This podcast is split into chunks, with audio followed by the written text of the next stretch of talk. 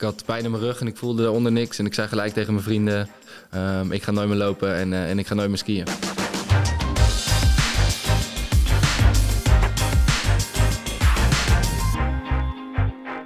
dames en heren, hartelijk welkom bij alweer een aflevering van de podcast Onbeperkt. De vaste kijkers weten inmiddels wat het over gaat. Beperkingen en de grenzen die er eigenlijk helemaal niet zijn. Die zitten vaak in je hoofd. Maar dan moet je wel zo leren denken. Daar gaat het dus vaak over in deze podcast. Naast me natuurlijk weer Eva Eickhout. Eva, hoe gaat het met je? Het gaat goed. De zon schijnt. Ja, daar word ik altijd heel blij van. Dat zie ik Jij bent ook echt bruin trouwens. Ja. Heel bruin. Ik heb even op het water gezeten. Is dit Nederlandse zon? Dit is Nederlandse zon. Wauw. Ja, ik kan niet naar het buitenland. Hè. Ik heb geen geel paspoort. um, de, de podcast al beperkt. De mensen kennen hem vast en zeker uh, uit hun hoofd. Wie is vandaag onze gast? Niemand minder dan Floris Meijer, mijn skileraar. Nou ja, echt ja, ja. Echt waar? Ja. En ook Paralympisch zitskier. Maar ik ken hem, ik heb hem leren kennen toen hij mijn skileraar was op, uh, op skivakantie. Oké. Ja. En? Kon ze een beetje skiën voor Absoluut, absoluut. ja jongens, leuk hier te zijn. Ja. Hey, Eva en ik kennen elkaar inderdaad uh, vanuit die Italië. Ja. heb ik uh, even een week skiles gegeven. Ja. En dat, uh, Helaas maar één jaar. Helaas maar één jaar. Maar was wel echt te gek. Ja, was echt te gek. Vooral de kroeg. Maar op de, op de was het ook heel leuk. Sorry, in de kroeg? Heb ik even iets gemist? Daar, zou, daar kunnen we verder niks over zeggen. What happens there stays there, toch? Ja, oké. dat uh, dus dit was het enige wat we daarover uh, over te melden hebben. Oh, oké. Nee, maar was, dat was echt, uh, was echt heel leuk. Nou goed, ik ken de Floris niet tot ik me een beetje heb ingelezen. Je komt net als ik uit Soest, dat is wel grappig om te lezen enzovoort. Jij kent hem dus beter. Hoe zou je de Floris die je hebt leren kennen willen omschrijven? Ja, ik zat daar eens over na te denken. Maar um, hoe zou ik hem... Nou, je was ja, zeg maar een one of a kind. Als in, uh, zeg maar, ik ken extreem weinig mensen met een uh, lichamelijke beperking die zo extreem zelfstandig zijn. En eigenlijk zo vanaf het eerste moment dat het echt eigenlijk al wegvalt, zeg maar. En ik vond dat heel vet aan jou ook. Want er was een trap ook beneden bij de piste. En die liep jou gewoon op en af. Gewoon zonder, snap je, gewoon, ik weet niet, dat was gewoon heel normaal. En ik keek er ook gewoon en toen dacht ik van, oh, oké. Okay. Hoe liep je die op en af dan? Uh, nou ja, die, die, die rolde ik op en af, inderdaad. Ja, ja. Dus, nou ja, ik zeg wel lopen, omdat het misschien niet eens, ja. ja. kijk, ik, toen ik gewoon toen dacht ik, uh, ik moet alles nu gaan kunnen met die rolstoel. Dus daar heb ik uh, alles voor gedaan. Uh, en die rolstoel is nu eigenlijk mijn beste vriend. Ja. Dus ik kan, ik kan trappen af, ik spring van hoge dingen af, ik kan trappen op. Um, ja, eigenlijk kan ik alles met mijn rolstoel. Ik kom al het openbaar vervoer in. dus er moet wel een hele gekke, hoge, steile trap zijn, ja. wil ik er niet opkomen. Um, en dat zorgt ervoor dat je gewoon zo zelfstandig door het leven kan. Dat, dat, dat levert heel veel op. En ja, ja onderhand ben ik ook bezig om, om, om andere mensen dit aan te leren instructeur las ik ja, toch? Op dat dit, gebied. Dit brengt je gewoon echt, echt heel veel. Als je in een rolstoel zit of rolstoelgebonden bent en je hebt wel gewoon een goede, goede armfunctie, ja, dan moet iedereen gewoon uh, leren rolstoel rijden, denk ik. Net zoals we met uh, twee gezonde benen leren fietsen, moet je um, met alleen twee gezonde armen moet je, moet je leren rolstoel rijden. Ja, die armen daar moet je Ja, ik wou zeggen, daar was ik ook van onder de indruk. Ja, nou, ik moet zeggen dat dat niet alleen het rolstoelrijden is hoor. Dat is ook gewoon echt wel de topsport en de trainen op Papendal. Maar ja, het, het, het, het, helpt vast wel iets. Ja. Ja, er was dus een tijd dat je rug niet gebroken was. En je eigenlijk al heel druk bezig was om op het hoogste niveau ook te skiën, toch? Om, om daar veel mee te doen. Uh, nou ja, op het hoogste niveau uh, dan misschien niet. Um, ik was uh, wel, um, ik, ik, was gewoon skileraar. Ja. en ik was, maar je had CIO's gedaan en klopt, je was er altijd mee bezig. Klopt, ik was freestyle skier. Ik ging wel naar wedstrijden en zo. Dus ik deed wel op, op, echt op een leuk niveau. maar niet met Olympische aspiraties. En daar, uh, daar was ik uh, te laat voor begonnen, denk ik. En uh, als Nederlander is dat toch heel lastig. maar ik was zoveel mogelijk in de sneeuw. En ja. ik, ik, ik vind het fijn om mezelf lichamelijk uit te dagen en het maximale uit mezelf te halen. En dat kon ik met skiën, met freestyle skiën gewoon heel erg goed doen.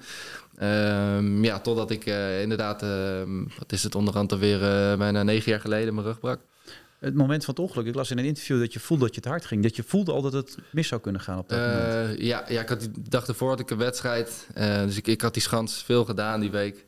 Uh, en ik, ik, ik kwam die kikker op, ik kwam die sprong op. En eigenlijk, dat, dat is zo'n gigantisch groot ding. En ik, ik, ik ging daar zo snel overheen dat ik inderdaad... dus terwijl ik omhoog skiede, zeg maar... Hè, terwijl, ik, terwijl ik die schans opging... toen voelde ik al van ik ga veel te hard, ik ga veel te hard. Ehm, daar schrok ik van. Ik heb proberen eh, een beetje in de lucht iets te doen dat ik mooi... Eigenlijk ging door mij heen, ja, dat gaat in, in, in een fractie van een seconde... maar door mij heen ging, ik wil niet op mijn benen landen. Ik heb geen zin om mijn benen te breken, want ik ga veel te ver. Dus ik probeerde me iets achterover te laten kantelen... ook dat ik om, eh, mooi op mijn rug in de landing zou schuiven. Ja, daardoor eh, raakte ik me eigenlijk volledig kwijt. Draaide ik veel te ver door en kwam ik precies ondersteboven stil te hangen. Ehm, en toen vloog ik ook nog eens veel te ver. En toen in de lucht dacht ik al, dit gaat helemaal fout. En toen, ja, toen werd het zwart.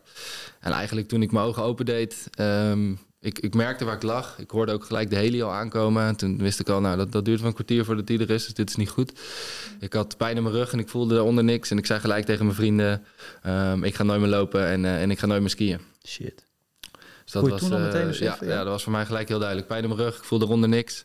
Ik weet, ik heb, ben enorm ver gevlogen. Dit, is, eh, dit, is, dit is klaar. Ehm, nou ja, het lopen had ik gelijk in. het skiën niet.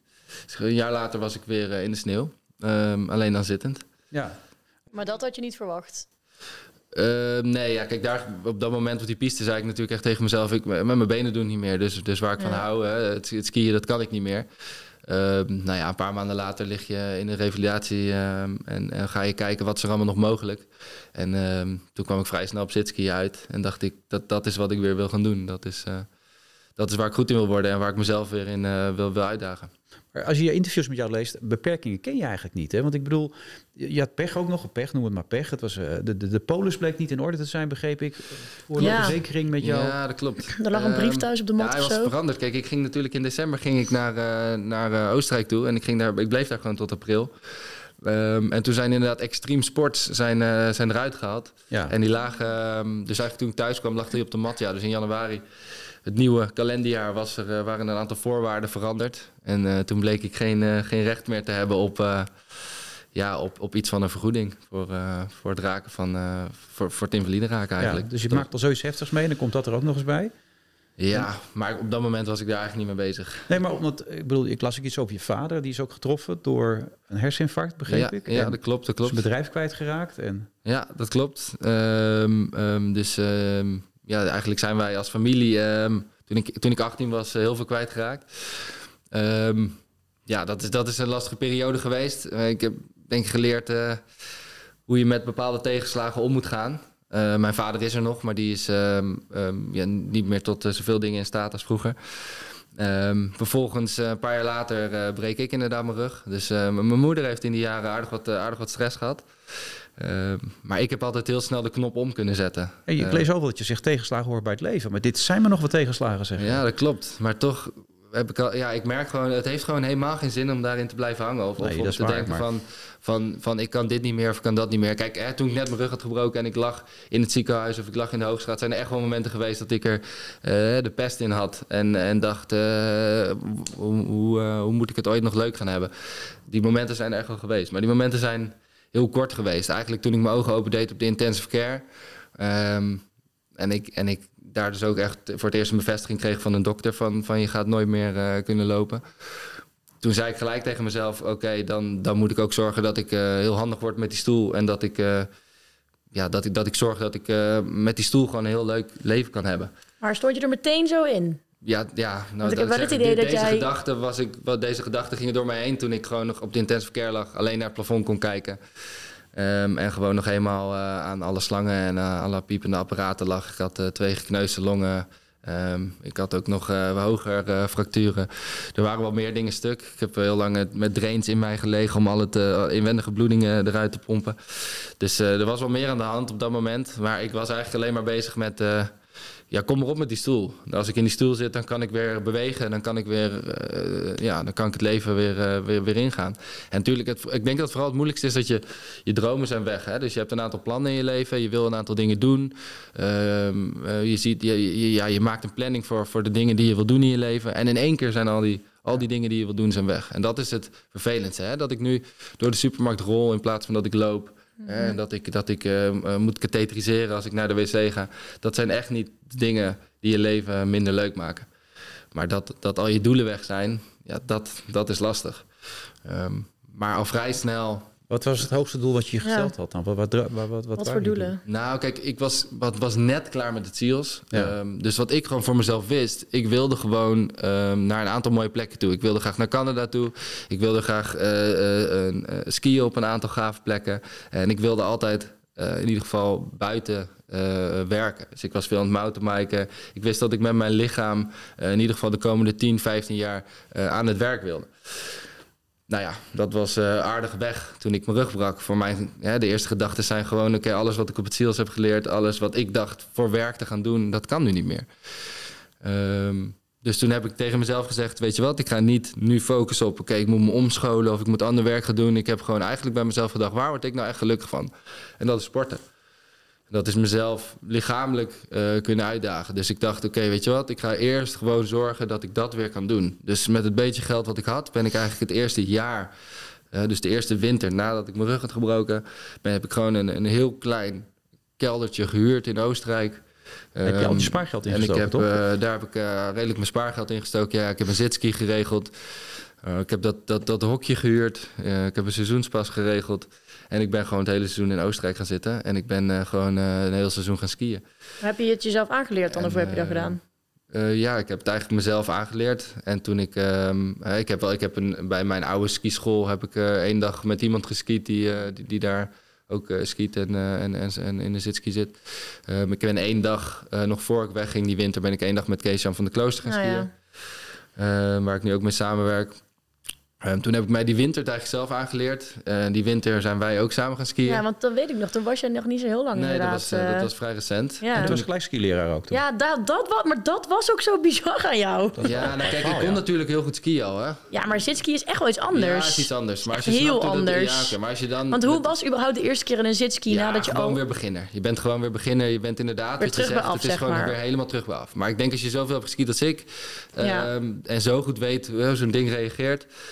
en je gaat, dan, en je gaat dan echt een heel seizoen skiën... Ja. Dan, eh, dan gaat het vrij snel. Dan kan je, dan kan je vrij snel... en eh, na skiën kon je ook nog steeds doen. Ja, ja, ja, daar dat hoefde ik ook niet zo, eh, Oh, daar hoefde oké. ik niet, ook niet zo hard meer te, mee te oefenen. Dat, dat, dat is dan wel ging. Ja, wel dat was wel- niet kwijt dan.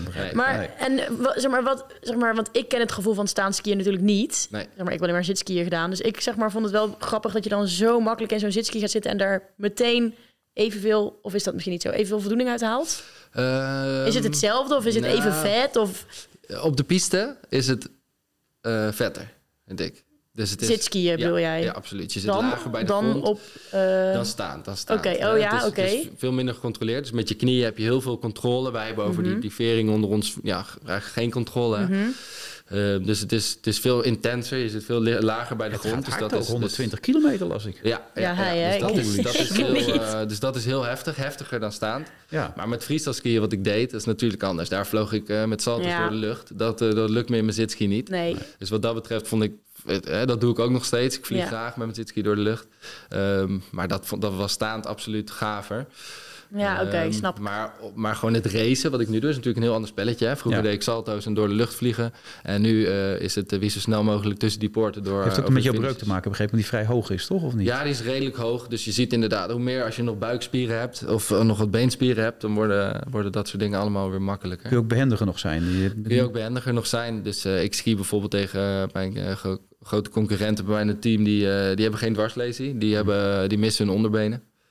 Dus die hebben, ja, die hebben eigenlijk eh, alle, alle, alle bewegelijkheid gewoon nog. Ja. Ehm, en daar, daar zit een factor in om dat zo eerlijk mogelijk te maken. Dus daar, eh, daar hebben ze goed aan gedacht. Zeker. Dus dat, het is eigenlijk wel leuk, want daardoor skiet iedereen tegen elkaar. Dus niet alleen de hoge dwarslees tegen de hoge dwarslees... of de lage dwarslees tegen de lage dwarslesies. Nee, eigenlijk alle zitskiers tegen elkaar. Dus de beste Ja. mensen met een amputatie tegen de beste mensen met een daar 120 gaat het, kilometer, Floor, is dat best hard, toch? Of niet?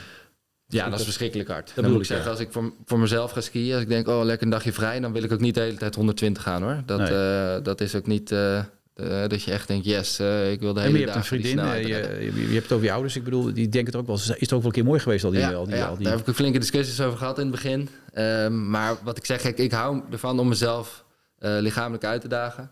En dat is ook een beetje mentaal. Dus vroeger stond ik voor een enorme schans. En dan zei iets in me van, dit, dit moet je niet doen. En dan vind ik het leuk om het gesprek aan te gaan van, jawel, ik kan dit. Want als ik het zo en zo doe, dan gaat het lukken. Ehm, En mezelf over te halen en te doen. Nou, inderdaad, je hebt de slalom, reusslalom. Dat zijn de technische onderdelen. Die gaan niet zo hard. Dat is echt heel technisch. Maar de Super G downhill, de snelste eh, onderdelen, die gaan echt eh, heel hard. En ehm, dat is ook, eh, ook gewoon heel spannend. En daar kan je eh, ongelooflijk mee, mee besteren. Dus ja, dat is gewoon full focus. En ehm, dat is soms heel spannend. Maar dat maakt het ook wel weer heel gaaf. Maar inderdaad, het is niet iets eh, wat, ik, eh, wat ik over tien jaar nog aan het doen ben. Nee, ik, eh, ik, ik, ik zie het niet voor me als ik over tien jaar nog downhill skiën met 120 km per uur naar beneden ga. Daar Maar dat hardgaan eind doe je aan. wel nog steeds. Ook Ja, al ben je daardoor toen... Absoluut, dat vind ik, heel, dat vind ik hartstikke leuk. En niet eng. je- jawel. Dat is, Oh. Kijk, het is niet zo, dat zeiden mensen vroeger ook tegen me. Toen ik freestyle skier was, en nog steeds wel een beetje, zeiden mensen... "Oh, je bent fearless en je hebt geen angst. Ja, dat is absoluut niet waar. Ik ken absoluut wel angst. Alleen, ik vind het leuk hoe je daarmee omgaat en dat, dat te overwinnen. En ik zal het misschien wat minder voelen dan eh, de meeste mensen. Maar ook ik voel angst. Ook ik voel dat mijn lichaam ouder wordt en dat eh, klappen in de zitski langzaam toch wat beginnen te doen. Hè? Toen ik twintig was, noemden ze me de man van de elastiek. Ehm, nou ja, dat, dat is niet meer zo. Het begint toch af en toe wel een beetje pijn te doen en eh, er wat langer last van te hebben. Dus ik moet zien hoeveel jaar ik nog meega en hoeveel jaar ik dit nog op dit niveau kan doen. Maar ehm, ja, eh, volgend jaar eh, in China wil ik gewoon nog ehm, alles op alles zetten om, daar, eh, om de medailles mee te kunnen doen. Ja. Die, die stichting die je ook hebt, je wil ook geld inzamelen. Hoe gaat dat? Ehm, sorry, ik, ja, er zijn eh, twee stichtingen in mijn leven. Oké, Even kijken over welke het gaat. Het gaat ehm, over de eh, Stichting voor Mijn Skiën, denk ik dat je bedoelt. Ja. Ja, ja dat is eh Floris Spa- Inspired to Ski. Ja, dat is eigenlijk vooral opgericht ehm, om mijn skicarrière te kunnen betalen. Ja, Want dat is gewoon, eh, gewoon heel erg duur. reizen natuurlijk Ehm, allemaal. En als CNSF doet gelukkig gedeelte voor je. Reizen en verblijfskosten las ik, maar Absoluut. apparatuur... Materiaal. Ja, ja, onder, onder, onderhand eh, heb ik ook eh, sinds vorig jaar een A-status. Dus ik krijg gewoon salaris van eh de CNSF. Dus dat maakt het een heel stuk makkelijker. Oké. Maar ja, inderdaad, eh, zeker die eerste jaren ehm, ja, moest ik ook gewoon nog eigen skis en zo betalen. En als je een keer met 100 km per uur in een rol gaat, ja, dan breek je zo weer een paar skis. Ja, dat lijkt me. En ehm Ja, plus die zitski is ook heel erg duur. zitski is heel erg duur. Ja. En dat is ook al, eh, de, de, de derde is nu net binnengekomen volgens mij. Dus daar, daar breekt ook nog wel eens een frame. Ja, en dan kan je zo 3.500 euro eh, opnieuw Ja. aan, een, eh, aan een frame stellen. Die moet uit Japan komen, dus dat duurde ook allemaal lang. Daarom heb ik nu dus eindelijk, gelukkig ook omdat de financiële middelen er, er wat meer waren, ook omdat ik een A-status heb, ehm, heb ik gewoon een heel reserve frame besteld. Dus er staat nu gewoon in de doos staat gewoon eh, ja, een 3.500 euro frame klaar. Ja. Want ik wil niet hebben dat ik volgend jaar in het seizoen iets breek en niet door kan. Mhm. Eh, volgend jaar eh, ja, in januari het WK, in maart te spelen. Dus er komt gewoon een heel, eh, heel spannend seizoen aan. ja, maar ze kunnen nog doneren of zeg je dat hoeft niet meer, is niet meer nodig? Nou, kijk, Nou ja, zijn, mag eh, altijd. we zijn Absoluut. toch, dus kan Toch? Ja. altijd, absoluut. Ehm, er zijn namelijk altijd verbeteringen te maken. Kijk, Ja. eh, het is niet alleen een sport wie is de beste. Het is ook een innovatieve sport. Ehm, afgelopen week, vorige week, ben ik ehm, in een windtunnel geweest met mijn zitski. Daar is weer allerlei data uitgekomen ehm, dat ik eigenlijk eh, de vorm van mijn kap om mijn lichaam nog helemaal aan zou kunnen passen om, eh, om nog sneller te worden. Er kwam uit dat ik, eh, eh, die, die jongens in de windtunnel die hadden een bepaalde vorm gemaakt waarvan zij dachten dat is sneller. Dan bleek ik 21% minder luchtweerstand te hebben. Oh, Dat is nogal wat. ja. Maar om dan van Kevlar carbon dat weer helemaal opnieuw met de hand te laten maken, ja, dat is, eh, dan hebben we het echt over duizenden euro's. Maar ja, is er genoeg geld, dan zijn dat soort dingen wel interessant om te doen. ja. Dus ja, ehm, hoe meer geld ik ophaal, hoe meer eh, ik mezelf eh, ja, ready kan maken om zo snel mogelijk te zijn straks in China. Ja. En dan moet je de mazzel hebben dat al die wedstrijden doorgaan, dat er geen lawines zijn en dat soort zaken allemaal. Ja, nou, in China zijn er geen lawines, denk ik. Want dat was Ehm, met de kwalificaties de vorige keer, toch? Uit Korea, Zuid-Korea was er toch iets? eh, mm. Toen waren er lawines en toen kon je niet gekwalificeerd worden. Klopt, klopt. Vier jaar geleden was natuurlijk nog wat korter op het breken van mijn rug. Ik was er nog wat minder snel. En toen, toen hing het er een beetje om. Ik had me toen al genomineerd. Wel. Dus dan moet of één heel goed resultaat neerzetten of eh, twee resultaten. Ehm, nou, nu heb ik me direct geplaatst. Maar vorig jaar of vier jaar geleden eh, had ik mij genomineerd inderdaad. En dan krijg je, maar ja, dat is skiën. Dan krijg je die situatie dat je naar wedstrijden toe gaat. En eh, dat het gewoon een keer een meter sneeuw valt en dan gaat het niet door. Ja. Ehm, ik had een keer een hersenschudding. En zo mis je wat wedstrijden. Ja, Alsof het dan, niks is. Ik had een keer een hersenschudding. ja, ach, Dan ga 120 je, ja, dat hoort erbij. En dan, eh, ja, dan, dan mis je de Spelen. Ja. Eh, dan, Ja. dan was het al lastig eh, om, om daarbij te gaan zijn. Maar ik had het gevoel dat ik ze kon halen. Maar op zich vind ik dat ook niet zo heel vervelend. Kijk, dat waren niet mijn spelen. Dat waren niet Dit de moeten ze worden. Precies. Dit precies. Ja. gaan ze worden. precies. Dit gaat gaan ze goud worden. Ja, precies. Ehm, dit zijn ze en eh, eh, hier ben ik bij. Ik heb me geplaatst, ik ga er naartoe en ik wil gewoon, eh, ja, ik wil gewoon hier, eh, hier goed presteren. Overigens moet ik er gelijk maar even bij zeggen. Oh, ik ja? heb mij aan de nationale selectie eisen voldaan. Vervolgens gaat NOC even uiteindelijk voordragen. Dat moment is nog niet geweest. Ik heb ze, laatst sprak ik ze, zeiden ze ergens in juni. Voordat Oké. ik weer op mijn kop krijg dat ik hier roep dat ik er ben voordat Oh. NOC dus, dat ik ook disclaimer. ga. ja, ja, ja. Eh, Ja, wil ik dat er nog even bij zeggen, maar ik... Anders eh, krijgen ons dat- te doen. dat, eh, dat- dat komt helemaal hè? Maar je zei straks wel dat je voor het ongeluk niet, zeg maar, ook wel hoog niveau skiede, maar niet zo hoog. Ja. Was je dan, als je dat ongeluk niet had gehad, was je dan ook naar de Spelen gegaan uiteindelijk, denk je, als staande nee, skier? Nee, nee, nee. nee. Had Ook je dan deze ik- ambities geambieerd? Nee, nee, ook gewoon dat ik en veel te laat begonnen ben. Mm. En ik zie ja, het ook aan misschien de... natuurlijk. hè, Dat, eh, Ja, nee, ja, dat, dat, ook, dat ook. Ik, kijk, nu ben ik wel echt heel veel aan het sporten. Ja. Ehm, maar eh, toen was ik ook gewoon skileraar en lang leven de lol en eh, dat Ja. leven. Eh, maar ik ben altijd heel sportief geweest en inderdaad, ik ging wel naar wedstrijden en zo. Maar ik zie nu ook bij de jongens op Papendal hoe lastig dat is. Hè? Want ik heb natuurlijk, eh, ik zit met de rest van de Nederlandse skivereniging train ik Ja. op Papendal. Dus er zit bijvoorbeeld ook freestyle snowboard bij. Ja, die jongens die zijn er echt vanaf heel jongs af aan opgepikt. En als ik zie welk niveau zij op, op hun, op hun 16e, 15e al hebben, Ja. Mhm. Ehm, dan, dan weet ik dat ik eh, dat, dat daar echt niet was gekomen. Nee. Dus ik had, eh, Maar hoezo dan nu als zitskier wel? Is dat dan omdat je nu dus wel een soort van nog kans maakt, omdat het als zitskier dus anders is? Of omdat je je eigen lichaam een soort van nu extra nog wil bewijzen? Ehm, nou ja, het, heeft er ook gewoon echt mee te maken dat je, dat, dat je toch met een kleinere sport zit. Hm. Ehm, en een sport zit waar meer mensen eh, op latere leeftijd instromen. Kijk, Ja, natuurlijk precies. is het een groot voordeel. Hè? Kijk, ik zie jongens, ook in mijn team, die gewoon ermee geboren zijn. En Ja. die, die, die toen ze zeven, acht waren al zijn opgepakt door de NSKV... en toen volop aan het trainen waren. Die Mhm. helemaal, hè, die nooit die, die, die après-ski momenten gehad hebben... Mhm. en alleen maar hun hele leven gefocust hebben om Ja. ja. die, die sitski naar hun lijf te zetten. Ehm, dat is een voordeel, absoluut. Dat is, dat is logisch. Maar de sport is niet zo groot...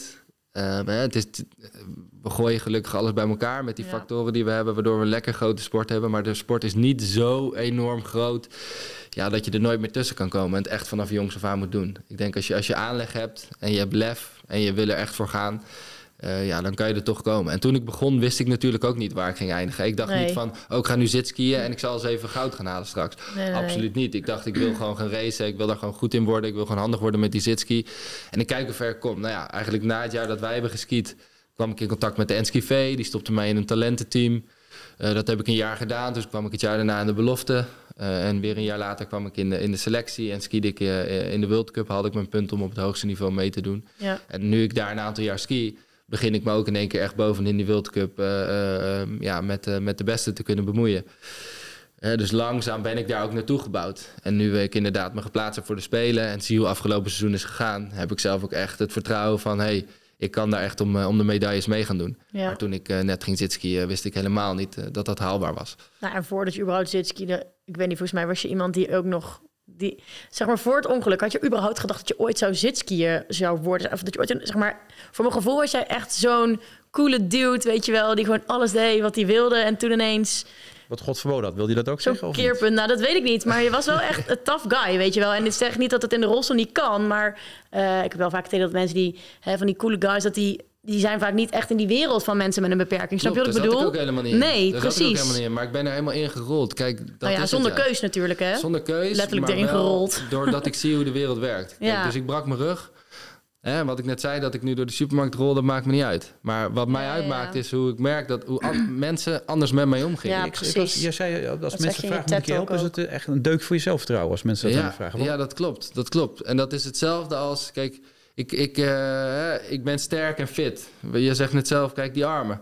Dus je ziet dat ik, dat ik sterk en fit ben. Dus dan, hoe kan het dan toch dat er af en toe mensen zijn die eh, eh, in de supermarkt zeggen: Moet ik je spulletje even op de band leggen? Mhm. Dat snap ik, is aardig bedoeld. Hè? Eh, dat is absoluut uit goede bedoeling. Ehm, maar je kan je voorstellen, als bij jou, Wilfred, de komende eh, maand. ehm, honderd verschillende mensen komen zeggen als jij langs de weg loopt: Oh meneer, kom, geeft u, maar, geeft u uw hand maar, dan help ik u even oversteken. En de eerste keer denk je, nou, hè, wat, wat De kans in weg mijn geval met is die heel vent. klein hoor. Dat de meeste mensen lopen snel mogelijk door. Maar ik begrijp wat je bedoelt. de metafoor, ja. Eén keer denk Ja. je van, nou, die is gek, laat maar gaan. Ja. Maar bij de dertigste keer denk Ja. je van, nou, kennelijk zie ik eruit alsof ik die weg niet over kan steken. Want eh, anders blijven mensen dat niet aan me vragen. Dus Ja. dan beginnen dat deukjes in je zelfvertrouwen te worden. Ehm, toen ik mijn rug brak, merkte ik dus dat iedereen anders met mij omging. En ik dacht, eh, jongens, hè, inderdaad, je was gewoon eh, die coole dude. Nou ja, mensen zeiden tegen me, je bent fearless. En toen in één keer wilden ze de deur voor me openhouden. En wilden Ja. ze mijn spulletje op de band leggen. Dat is zo'n zo'n Ja. enorme verandering. Zo anders hoe mensen met mij, mij omgingen. ehm, dat ik dacht, dit, dit wil ik niet. Dit is niet normaal. Hier word ik niet gelukkiger van. Hier word ik niet zelfverzekerder van. Toen zag ik ook nog eens dat allemaal andere mensen om mij heen... Hè, die misschien iets minder zelfverzekerd zijn... daar nog meer onder lijden. Hè, ik spreek nu met, met trainingen wel eens volwassenen die zeggen... ik ben eh, al, al- al soms jaren niet naar buiten geweest. En dat is, dat is echt heel erg. Ja. En dan bij kinderen wordt het nog heftiger. Want Ja. kinderen, daar gaan mensen van... die weten niet weten. Kijk, ik wist natuurlijk hoe mensen vroeger met me omgingen. Maar Ja. als je van kleins af aan op een bepaalde manier met je omgegaan wordt... en hè, ik doe dit wel, het is makkelijker als ik dit doe... en laat me je duwen. En, en die zijn dus ook weinig zelf aan het bewegen. Alles wordt voor ze gedaan. Je hebt minder sociale contacten. Ja, dan word je ook geen CEO van een groot bedrijf. Al heb je misschien de hersenen er wel voor. Ja. Ja. Maar gewoon door hoe wij als maatschappij en vaak ook leraar en, en ouders, want die weten soms ook niet wat ze met, met hun ene kind met een handicap moeten. Ehm, dus, dus hoe wij met elkaar omgaan, zorgt ervoor dat, dat mensen zo worden. Zorgt ervoor dat er meer mensen met een handicap in een uitkering zitten. En, en daar we als hele maatschappij denk ik niks aan. Dus, dus ik, en ik doe dit, ik doe dit dus eh, d- denk voor mezelf, omdat ik het niet fijn vind hoe mensen met mij omgaan. Maar ik denk dat de hele eh, ja, gehandicapte wereld, mensen met een handicap, kunnen hier baat bij hebben. En uiteindelijk wij met z'n allen als maatschappij hebben hier baat Dat is ook wat je in je coaching probeert duidelijk te maken. Je probeert mensen heel veel zelfvertrouwen te geven, toch? Dat is het idee. Zeker, zeker. Ja, mensen met een handicap, en het zijn er niet, sommigen niet. Eh, het ligt er ook een beetje aan naar eh, hoe je leraar of hoe je ouders zijn geweest. Ja. Hè? Als ik Ja. zie hoe Eva in het leven staat, Ja, denk ik, ik zeggen ken jou. jouw ouders niet, maar ik denk dat jij echt ouders hebt die er heel goed mee om zijn ja, dat denk ik ook. Want jij, ja. ja. dit, dit is extreem goed hoe jij in het leven staat. Mhm. Maar bij 95% van de mensen is dat niet zo. Nee, dat is echt waar. Dat is echt super waar. Je Ja. merkt gewoon dat er echt ontzettend weinig mensen zijn die erin staan zoals wij. Ja, je ouders, je vertelde je wel eens net als je andere twee zussen hebben jou net zo behandeld uit, Ja, toch? precies. En ook gewoon alles. weet je, natuurlijk gaan we niet ontkennen dat ik die beperking heb, maar het is gewoon geen hoofdzaak. We leven niet vanuit die beperking. Nee. Eh, je bent gewoon Eve en natuurlijk heb je 's ochtends even hulp nodig bij aankleden, maar verder is dat geen ding of zo, Nee. snap je? Nee, nee Mm. maar dat, dat is. Er zijn ook wel eens mensen die zeggen dan tegen mij van ja, maar moet ik dan, eh, als ik dit niet kan, dan moet ik dus elke keer moet ik het aan mensen gaan vragen. Hè, als, ik het niet meer, eh, als mensen het niet meer aan mij mogen vragen. Maar daar komt het wel op neer. Kijk, ik denk dat. Eva heeft regie over de eigen Dan ben je leven. in control, ja, precies. Jij bent in control. Ja. Dus op het moment dat je iets niet kan, dan vraag jij aan iemand. Hè, want er zullen best dingen zijn die je niet kan. Ik kan ook niet bij de hoogste schap in de Nee. supermarkt. Zou ik het ook aan iemand moeten vragen. Ja. Precies. Maar het is heel normaal dat je gewoon de regie over je eigen leven hebt. Mhm. En zelf het vraagt als het niet kan. En, en, en maar gewoon voor dat schap dan zo gaan staan om je heen gaan staan kijken. In de hoop van dat een keer iemand naar me toe komt van Om te vragen, moet ik je helpen. Ja, dat, dat kan niet de bedoeling zijn. Zo Nee. moet het niet werken. Nee, dat is absoluut waar. Maar je, je was dus fearless, je had, maar je had ook wel een vorm van angst. Eh, heb je ook als momenten van spijt gekend eh, toen het gebeurd was? Dat je die Ehm, risico's hebt Of genomen in je boos op leven? jezelf. Nee, nee, nee, wel boos op mezelf. Hè? Want ik denk, eh, ik was toch altijd zo serieus met skiën bezig. Hoe kan ik niet doorgehad hebben dat die, dat die run-in op deze sprong zo snel was? En hoezo heb je Dus dat heb weet je, heb je daar een antwoord op? Ja, daar heb ik, eh, daar heb ik wel veel over nagedacht natuurlijk. Hè. Ja. Eh, dat was gewoon omdat nog niemand op die, die groot, dat, dat mega grote ding af was geweest. Dus, dus het was al wat zachter aan het worden. Maar op dat stukje, als er nog niemand overheen geskiet is, dan Ja. is het toch nog wat, wat Mhm. harder. Er waren nog geen spoortjes, dus ik ging, eh, ging wat sneller. Maar nee, ik heb nooit, nooit weet je, ik, ik hield van dit en ik hou er nog steeds van. En Ja. ik heb het mezelf aangedaan. Ehm, ehm, ik wist welk risico ik nam. Natuurlijk calculeer je nooit in dat je, dat je dit doet. Weet je, dat het zo ernstig wordt. Nee, maar omdat je nu weer die extra risico's neemt. Ja, Van die 120 km per uur. Ja, naast de omgeving zegt, waarom doe je het nog voor bloed, ons? denk ik, Je hè? doet het toch. Ja. Dus als het, mocht het misgaan, daar gaan we natuurlijk niet vanuit. Maar dan zou je het ook voor jezelf nooit het gevoel krijgen... dat had ik niet moeten doen. Het is gewoon, je kan niet, niet zonder. Het is die... Nee, het Die is behoefte. heerlijk. Het is heerlijk om dat te doen. Ehm, maar wat ik, ja, wat ik al zei, het is heerlijk met ook een soort gevoel van ik doe dit nog een x aantal jaar. Hoeveel is Ik wil nog een aantal jaar, ja, daar, daar ben ik nog niet over uit. Maar pak je over twee jaar, drie jaar, vier jaar? Wat, wat zit er in je hoofd dan? Ik hoorde je net nou tien ik zou jaar zeggen, natuurlijk toch? Na, na, na volgend jaar eh, nou, eh, eh, zijn de Spelen geweest en dan is de, de vraag, ga ik nog vier jaar door? Oké. Ah, ja. door? Ik ben nu net eh, 32, dus dan gaan we op voor 36. Ja, het lichaam begint een beetje hier en daar een beetje tegen te sputteren, maar dat kan nog wel. Precies, precies. Dus Ja. ik, daar, daar, die twijfel, eh, die is er.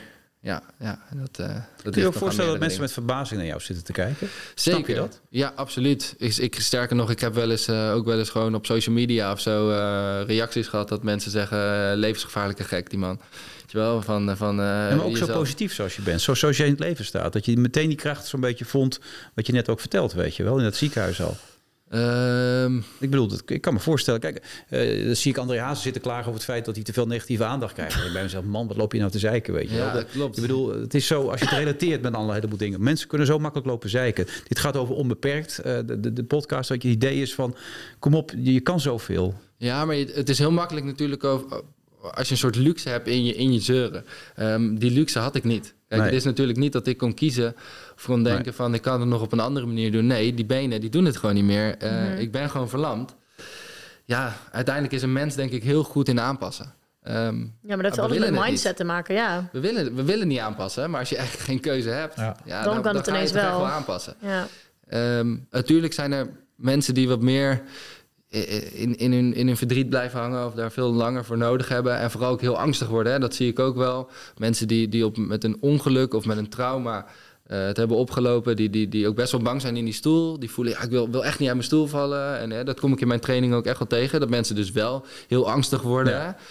Eh, maar ja, ik, ik heb dat niet. Ik weet hoe ik mijn rug gebroken heb. En zo'n extreem gekke val, ja, dat, dat, eh, dat, dat gaat niet zomaar weer gebeuren. Dat is ook gewoon heel veel pech. En, eh, en, en, en gewoon af en toe een goede crash. Ja, ik weet dat ik dat kan hebben. Ja. Daarvoor train ik ook hard.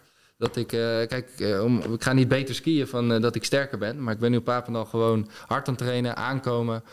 meer harnas creëren om zo hard mogelijk te kunnen vallen. Bovendien is het hoe zwaarder ik ben, hoe harder ik glij. Oh ja. Dus zo, ehm, zo probeer je, Je natuurlijk benadert het heel praktisch als ik het zo hoor, Floris. Ja, zeker. Zo van, ja, het hoort erbij. Eh, voor mij wel. En maar als ik wil doen in mijn leven waar ik gelukkig van word, dan hoort het er gewoon bij. Ja. Ja. Ja. Ik vind Mooi. dit drukwekkend ook, toen ik het allemaal las hoor, hoe je erin staat. Ook omdat het zo, wat je zegt, je hebt geen keus, maar nog steeds wel een optie is om toch los te laten. Te denken, ja. ja. Ja, maar dan had ik, ehm, wat had ik dan moeten gaan doen? Ja, Weet je, dan had ik niet zoveel in de sneeuw geweest, in de berg geweest, waar ik heel veel van hou. Was ik mezelf niet lichamelijk zo aan het uitdagen, zo aan het pushen. Ehm, En in die reizen bijvoorbeeld, die dromen die, die je had toen je nog valide was, die, die ga je nog wel maken? Die plekken ga je nog wel opzoeken? Heb je dat ook in je hoofd? Of? ehm, nou ja, kijk, ik kom natuurlijk nu al op een heleboel mooie plekken. bedoel ik, ja. Eh, Ja. Ja. Ik ben naar Nieuw-Zeeland geweest, ik ben naar Canada geweest. Ja, Eh, ik, ik ben eh, elk jaar bijna in Scandinavië. Ik ben achter elkaar in de Alpen. Eh CSV trainen wij heel veel. maar eigenlijk zijn er dus geen dromen die je niet uit kan voeren. Dus dat, het, het is onbeperkt, je dromen. Eh, ja, nou ja, ik denk eigenlijk, hè, die dromen die ik had, die zijn eigenlijk nu nog meer uitgevoerd. Die mooie plekken die ik met skiën wilde gaan zien, ja, die heb ik nu in de overtreffende trap gezien. Sterker nog, eh, ik zit nu niet ergens in een crappy appartementje waar ik het met mijn vrienden kan betalen. Maar ik zit nu gewoon in een mooi hotel. Ja. En het wordt allemaal geregeld. eh, ik hoef niks te fixen. Dus ja, wat dat betreft is het allemaal mooier dan ik ooit had durven dromen. Ja. Ik weet ook nog wel dat met toen je mijn skileraar was, dat ik toen, eh, want ik heb natuurlijk vanaf mijn geboorte, en toen hadden we het er geloof ik ook over dat jij dan halverwege je leven natuurlijk dit allemaal hebt gekregen, dat ik ergens ook een beetje heel erg bang was dat je het op dat moment nog heel erg aan het ontkennen was. Dus dat je heel erg je focus legde op het skiën en op het eh, lichamelijk jezelf uitdagen om maar Ja. niet bezig te hoeven zijn met dat je dus eigenlijk in een rolstoel ineens zat. Ja. Ja, nee, ja, was dat, toen zo? Ja? Nee, nee, ja, wij, het was natuurlijk vrij kort inderdaad. Ja, dat ik, eh, precies. elkaar, En ik nee, heb zelf altijd het idee dat het dus extreem veel vervelender is als je halverwege, als je beter weet. Ik weet niet beter. Ja, je weet niet beter, maar uiteindelijk kom je erachter, kijk, eh, lopen is overrated. Het is Ja? niet dat je, dat je, dat je nou zo'n gelukkig leven krijgt omdat je kan lopen door het leven. Hè? Nee. Hè, en voor mij hè, is het nog iets anders. Ik kan me ook heel snel verplaatsen in die stoel. Mhm. Uh, maar dat zijn echt niet de dingen waar je gelukkig van wordt. Tuurlijk dacht ik in het begin wel van, ik kan niet meer lopen. hè, En, en wat kan je nou in je leven als je niet meer kan lopen? Maar dat, dat lopen heeft niks mee te maken hoe gelukkig jij wordt als persoon. Waar Echt zit niet. geluk dan in volgens jou? Geluk zit in de dingen realiseren die je, die je wil behalen. Kijk, eh, jij, ik zie eh, prachtige dingen die jij langs de, doet, dit soort dingen. En op tv heb ik je de laatste paar keer gezien. Dat zijn allemaal dingen die jij een aantal jaar terug in je hoofd had van... wauw, als ik dat toch kan realiseren. En dat heb je nu gerealiseerd. Dus daar word je gelukkig van. Dat, daardoor zit je hier met zoveel zelfvertrouwen. Dat zijn allemaal dingen die daaraan bijdragen. Ja, dat is wel waar. En weet je, dat, dat is wat telt. En, eh, en, en niet... Ja, natuurlijk, gezondheid eh, telt ook. Maar uh, wat, wat, wat, wat Eva en ik hebben... Ja, dat, dat maakt ons niet minder gezond. Wij kunnen natuurlijk hartstikke gezond zijn... Ja. met een lichaam wat, wat, wat, wat minder goed werkt. Ja. En eigenlijk wil je dat die omgeving ook duidelijk maken. Ook aan al die mensen die zitten te kijken. Ja, absoluut. Absoluut. Weet je, Ehm, het leven is zo mooi. Ehm, en, en ja, bedenk je, wat, wat maakt jou gelukkig in het leven? En, en wat heb je daarvoor nodig? En, en ga daarvoor. En, en kijk niet naar eh, eh, wat er allemaal in de weg staat. Ja, we gaan niet links, de- we gaan nou rechtsom. Ja, precies. Toch? Je kan, Ja. Er is altijd een manier te Ja. verzinnen. Er, is altijd, eh, er is altijd iets te verzinnen. Ik weet dat wij toen aan het skiën waren. En eh, volgens mij hebben we zelfs nog toen gedacht van... oh, we gaan je zitski nog wat aanpassen. En gewoon omdat Ja, ik dacht eigenlijk... we moeten kijken hoe jij zo, nog boven zo, zelfstandig mogelijk... moeten we dit gaan doen gewoon. Dat jij zoveel mogelijk zelf kan. En, en, en, en dat geeft ook zelfvertrouwen. Hè? Als jij... Als jij, eh, kijk, sommige dingen zijn niet anders. Daar heb je hulp bij nodig. Net zoals ik bij hele hoge dingen niet bij kan. Daar zal je gewoon hulp moeten vragen. En dan moet je ook de regie hebben om, om, om over je eigen leven om die hulpvraag te stellen. In de stichting die ik met rollen eh, eh, werk, daar zit de, het Wheelchair Skills Team, wil ik toch nog even benoemen. Ja. Daar, daar, daar zit een jongen in de stichting die van zijn nek verlamd is. Maar die heeft echt wel de regie over zijn eigen leven. Ehm, natuurlijk is dat nog veel lastiger, want die kan nog veel minder. Maar die, die, die vertelt wel de mensen om zich heen eigenlijk wat, wat, er, wat er moet gebeuren.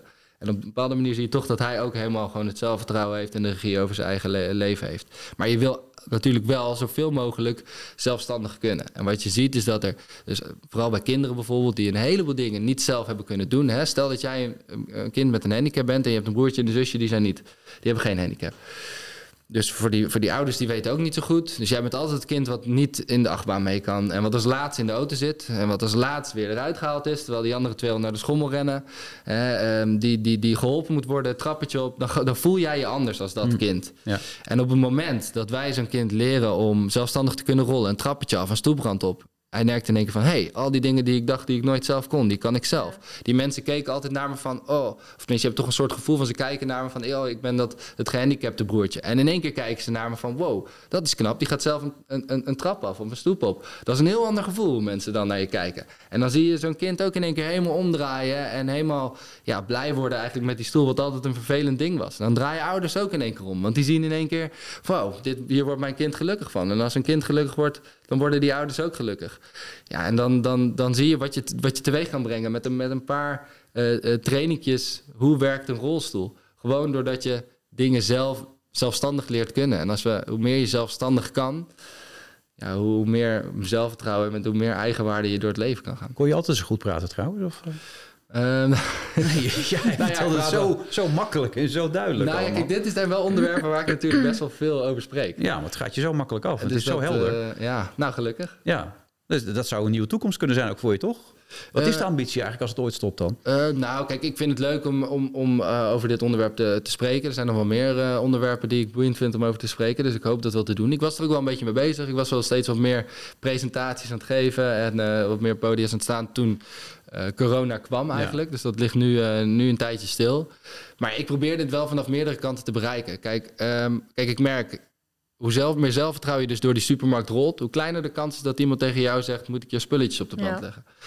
Dus met hoe meer zelfvertrouwen we in het leven staan, hoe, hoe minder eh, hulpvraag je eigenlijk krijgt. Dus dat wil ik, wil ik laten proberen om van twee kanten te laten werken. Dus aan de ene kant, nou, door, door hier mijn verhaal te mogen vertellen, maar ook op basisscholen en op middelbare scholen en, en, en op, op, de, op de Kalo en zo geven we les, geven we voorlichting. eh, om mensen mee te geven hoe wij het leven met een handicap zien. En aan de andere kant geven we mensen met een handicap training om weer in hun zelfvertrouwen en in hun eh, eigenwaarde te gaan staan. En het maximale uit het leven te halen. Waardoor je ook weer meer rollers krijgt die met dat zelfvertrouwen door het leven gaan. Waardoor die hulpvraag voor de rest ook weer eh, minder eh, snel gesteld hoeft te worden. Ja, en de beeldvorming denk ik ook verandert. Van twee kanten Ja. verandert dan die beeldvorming. Ja. Dus aan de ene kant krijgen we alleen maar Floris en Eva's die gewoon met kracht door het leven gaan.